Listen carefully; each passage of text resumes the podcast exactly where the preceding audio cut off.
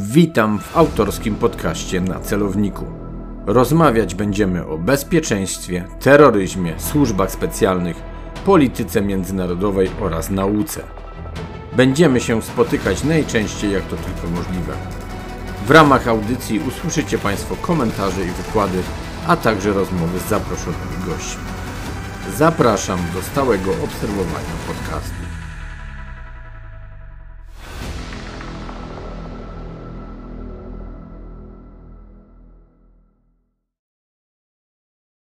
Przy mikrofonie Artur Dubiel, Wyższa Szkoła Bankowa.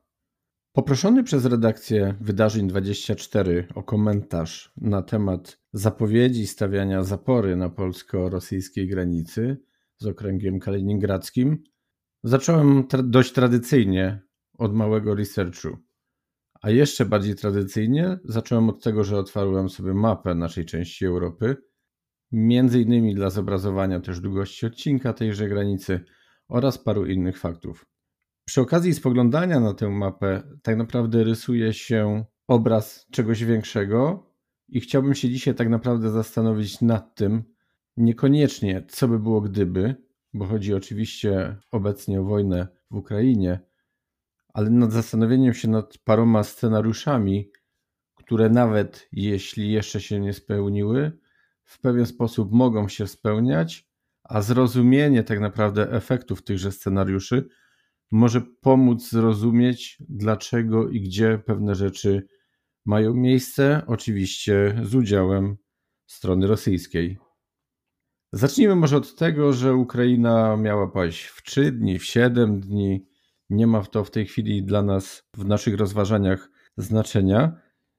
Niemniej, zakładając, że Ukraina padła bądź padł, cały wschód Ukrainy i jej południe, może się okazać, że właśnie to spojrzenie na mapę no, daje nam dość sporo naprawdę ważnych informacji. Nie bez znaczenia na pewno będzie to, co będzie się działo w Białorusi i to, co będzie czynił Łukaszenko.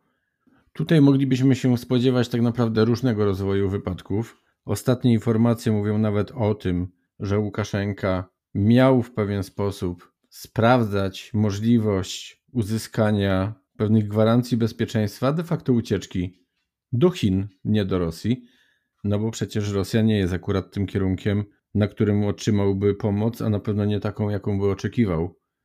Bo możemy też zakładać sytuacje różne w związku z Białorusią, począwszy od ucieczki samego Łukaszenki i jego rodziny, przez ucieczkę elit, nieważne już tak naprawdę w jakim kierunku, po teoretyczną interwencję wojsk rosyjskich. Przy czym pamiętajmy, że wcale nieduże, bo to trzeba podkreślić, działy rosyjskie są obecne na terenie Białorusi. Wydaje się, że nie są to te siły, które by pozwoliły, nawet nie wydaje się, które pozwoliłyby na opanowanie terenu Białorusi. Białoruś wcale nie jest też, co ważne, narodem tak chętnym na współpracę z Rosjanami, jak mogłoby się wydawać. Niektórzy nawet twierdzą, że jest jednym z bardziej prozachodnich państw, narodów, przepraszam.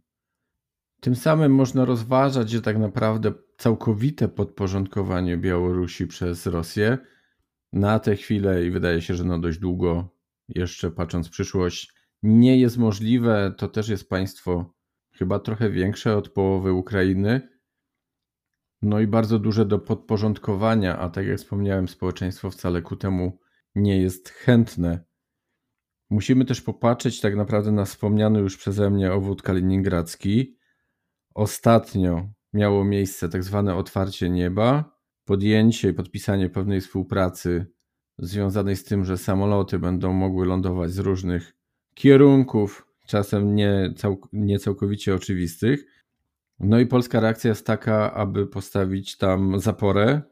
Podkreślam zaporę, nie mur, Zapora ma mieć 2,5 metra wysokości, 3 metry szerokości, trzy rzędy tak naprawdę zabezpieczeń. Należy wziąć jednak pod uwagę, że jeśli faktycznie miałoby dojść do sytuacji podobnej jak na polsko-białoruskiej granicy, to tutaj sytuacja w pewien sposób jest zdecydowanie inna, ponieważ nasza granica to nie tylko tak naprawdę granica lądowa, ale wodna. Mamy przecież wody Zalewu Wiślanego, mamy wody Zatoki Gdańskiej, czyli de facto Bałtyku, przedzielonej przez Mierzeję Wiślaną. I tak naprawdę osobiście sam bym się zastanawiał, czy nie lepiej właśnie, brzydko mówiąc, rzucić ludzi wodą, a niekoniecznie lądem, albo jednym i drugim kierunkiem, jednym i drugim sposobem, ponieważ jak doskonale wiemy, no zawracanie ludzi na wodzie jest zdecydowanie trudniejsze. I tutaj chcę przypomnieć też sytuację, jaka miała miejsce między innymi we Włoszech. Włosi też prosili o pomoc, bo nie wiedzieli, jak z napływającymi migrantami sobie radzić. I do dzisiaj tak naprawdę nikt w całej Europie nie wymyślił sposobu, jak ten problem rozwiązać. Tym samym jest dalej takim gorącym problemem, a doskonale sobie zdajemy sprawę, że reagowanie doraźne tu i teraz niestety często wychodzi najgorzej i musimy mieć plany, jak takim naruszeniom granicy zapobiegać i przede wszystkim co robić z tymi ludźmi, bo jakby nie patrzeć, są jednak oni na wodzie, nie na lądzie, jest to sytuacja zdecydowanie inna. Niemniej jeszcze trzeba poruszyć pewne aspekty, bo należy zauważyć, że Rosjanie przerzucili sporo wojsk z Kaliningradu do walk w Ukrainie.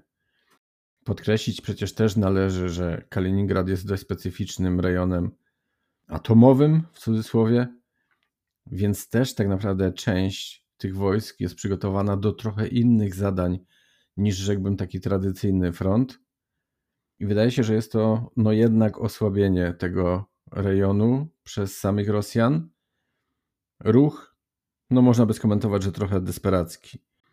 Dwa, przerzucenie tych wojsk to też jest osłabienie pod kątem ewentualnego zachowania tych migrantów, którzy mają się tam znaleźć. No jednak wojsko też jest tym aparatem państwowym, który też może pomóc porządek zachować, poza służbami typu policyjnego czy milicyjnego. Wskazuje to także, że Rosja de facto nie obawia się tak naprawdę reakcji NATO, więc jest to retoryka tylko straszeniem Rosjan NATEM, no bo gdyby tak bardzo się NATO obawiała, to na pewno nie osłabiałaby militarnie pod kątem oczywiście sił tego ważnego, wręcz strategicznego regionu. Nie zauważyłem także, aby w rozważaniach ktoś poszedł w stronę, że być może jest to pewnego rodzaju zagrywka, bo bardzo szybko to, co powiedział minister Błaszczak, że będziemy budowali zaporę, skomentował kremlowski rzecznik, pan Pieskow. Oczywiście powiedział, że ta decyzja jest zwykłym jakimś populizmem, więc należy też się zastanawiać, czy to nie jest zagrywka pod tym kątem, aby dalej dzielić polskie społeczeństwo, no bo jakby nie patrzeć, część ze społeczeństwa była przeciwna temu, co robi Polska na granicy polsko-białoruskiej, była przeciwna także stawianiu muru. Pamiętamy o najróżniejszych incydentach. Część osób zdecydowanie stawała po stronie praw człowieka. Z drugiej strony, no pamiętajmy, że jest to też nasza zewnętrzna granica nie tylko Polski, ale i Unii Europejskiej, a także i NATO.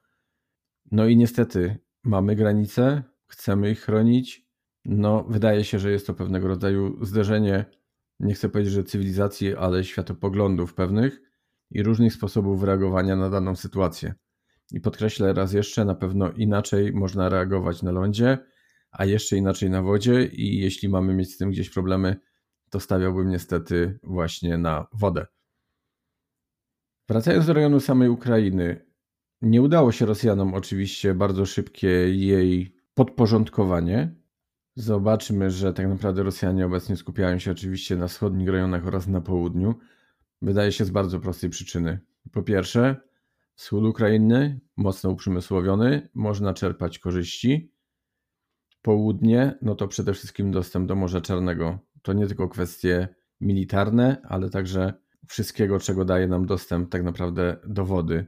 Proszę zwrócić uwagę, patrząc właśnie na mapę tego rejonu, że właściwie północ Morza Czarnego w pewien sposób jest ograniczona właśnie granicą ukraińską. Z prawej strony, na wschodzie, no mamy taki obszar, o którym chciałem za chwilę powiedzieć, ale Gruzję. Gruzję, państwo, które ma znaczny problem z Abchazją, znowu rejon tak naprawdę w pewien sposób podbity przez Rosję. Chyba nie można być zdziwionym, a dlaczego akurat ten rejon Znowu obcinamy kawałek wybrzeża państwu, które być może niekoniecznie Rosji sprzyjało. No i podobnie ma to miejsce też z Ukrainą. Ukrainą, która też odcina tak naprawdę dostęp do morza, do wody Mołdawii, bo zapomina się trochę, że na wschodnio-północnym odcinku mamy coś takiego, czym jest Naddniestrze, nieuznawane tak naprawdę państwo i zajęte również przez oddziały rosyjskie. I znowu, żeby było śmiesznie, oddziały wcale nie tak duże. I można się zastanawiać, czemu jeszcze Europa czy świat pozwalają na to, aby te oddziały tam się znajdowały. No naprawdę jest kilka sposobów, aby ich się tam pozbyć i to bez oddania jednego strzału, ale oczywiście jest to pod osobne rozważania. Niemniej jest to bardzo wrażliwy rejon, bo jeżeli uda się bardziej Rosjanom zająć południe Ukrainy, rozmawiamy tak naprawdę o różnych scenariuszach, niekoniecznie tych, które nie muszą mieć miejsca, no to niekoniecznie ten rejon zostanie przyłączony do Ukrainy, ale jednak połączy się z terenami zajętymi militarnie i kontrolowanymi oczywiście przez Rosję. Z Mołdawią mamy kilka tak naprawdę niemałych problemów, gdyż jest to państwo nie należące ani do Unii Europejskiej, ani do NATO. Wielokrotnie, rzekłbym, mniejsze od Ukrainy, łatwiejsze teoretycznie też do podporządkowania. Ma małą, słabą i przestarzałą sprzętowo armię. Jest w pewien sposób niezdecydowana co do połączenia, uwaga, z Rumunią. I tutaj różne rozmowy w społeczeństwie były. W różną stronę, że tak się wyrażę, wajcha nastrojów się przechylała, ale tak jak powiedziałem, przyłączenie Naddniestrza czy pełna kontrola nad nim byłaby na pewno prostsza, a byłby to też swoisty punkt wyjścia do ewentualnego dalszego podporządkowywania sobie y, Mołdawii. Zwłaszcza, że ostatnie doniesienia mówią o tym, że Rosjanie oczywiście mają dalej inwestować w ulokowanych przez siebie czy wspieranych ludzi, którzy mają wpływ na to, co się w Mołdawii dzieje. Nie można zapominać też o tym, że ostatnio spadła rakieta w Mołdawii. Mołdawia od samego początku tego, co się teraz dzieje w Ukrainie od, od lutego, e, jasno stawiała sprawę i mówiła, że takie, z takimi rzeczami się nie zgadza i na to się nie godzi. Efektem e, tej rakiety, która spadła na teren Mołdawii, jest wydalenie jednego dyplomaty rosyjskiego, więc w pewien sposób można powiedzieć, że jak na swoje możliwości Mołdawia pokazała kły. No ale te groźby rosyjskie tak naprawdę od lutego cały czas najróżniejsze w kierunku elit mołdawskich cały czas się pojawiają a właściwie od 10 lat tak naprawdę strona rosyjska i rosyjskie MSZ cały czas mówi, że Naddniestrze ma prawa, że jeżeli Naddniestrze chce, to Naddniestrze powinno być samodzielne, autonomiczne, a nawet całkowicie samodzielne. Poza tymi państwami, które wspomniałem, no może poza Gruzją, która nie graniczy z nimi, ale jednak poprzez Morze Czarne można by powiedzieć, że tak, tu pojawił się jeszcze jeden problem, niekoniecznie łączony z całą sytuacją, która obecnie ma miejsce w Ukrainie. To jest kwestia pewnego napięcia między Serbią a Kosowem. Kosowem również uznawanym i nieuznawanym przez część społeczności międzynarodowej państwem. Doszło wręcz do sytuacji, że mamy do czynienia z mobilizacją wojska w Serbii ze względu na incydenty w rejonie nadgranicznym pomiędzy Kosowem a Serbią. I tutaj całkowicie abstrahując, bo jest to, mówiąc prost, rzecz wtórna, kto kogo prowokuje. Bo Rosjanie doskonale mogą jednych i drugich podpuszczać, mieć swoich agentów wpływu, mieć swoich sabotażystów, którzy będą dążyli do tego, aby tam było, mówiąc w cudzysłowie, zapalnie. Bo będzie to najnormalniej w świecie granie na tak zwany kocioł bałkański, rejon niespokojny i naprawdę, gdzie nie trzeba wiele, gdzie ląd jest krótki, i naprawdę nie trzeba wiele, aby się coś wydarzyło. Niestety jest to też swoiste pokłosie no, radzieckiej koncepcji jeszcze Jugosławii. Z zasady radzieccy ludzie wiedzieli, że tam będzie wieczny problem, czym będą mogli grać. Podsumowując w pewien sposób, szanowni państwo, nie można się dziwić temu, co się w tych wszystkich rejonach dzieje, bo są to kropki, które powinniśmy łączyć i zdawać sobie sprawę, dlaczego pewne sytuacje mają miejsce, a jak będziemy sobie tę sprawę zdawać, będziemy mieli tę świadomość, to będziemy w stanie także przewidzieć, jakie następne ruchy mogą mieć miejsce, nawet często nie będąc pewnym, kto jest inspiratorem danych ruchów, ale należy się zastanowić, kto czerpie z nich korzyść i najpewniej oczywiście będzie to Rosja. Życzę miłej analizy mapy i wyciągania bardzo wielu ciekawych wniosków. Zapraszam do dyskusji na Twitterze i Facebooku.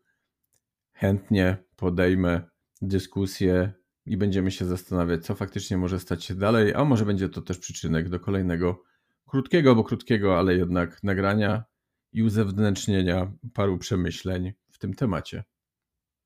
Bywajcie zdrowi, bywajcie bezpieczni. Kieruj się w stronę podcastu na celowniku. Wszystkie odcinki podcastu na celowniku dostępne są w platformach podcastowych Spotify, Apple Podcast, Google Podcast, Anchor, a także w serwisie YouTube. Zapraszam również do wspierania podcastu na celowniku w portalu Patronite pod adresem patronite.pl ukośnik na celowniku.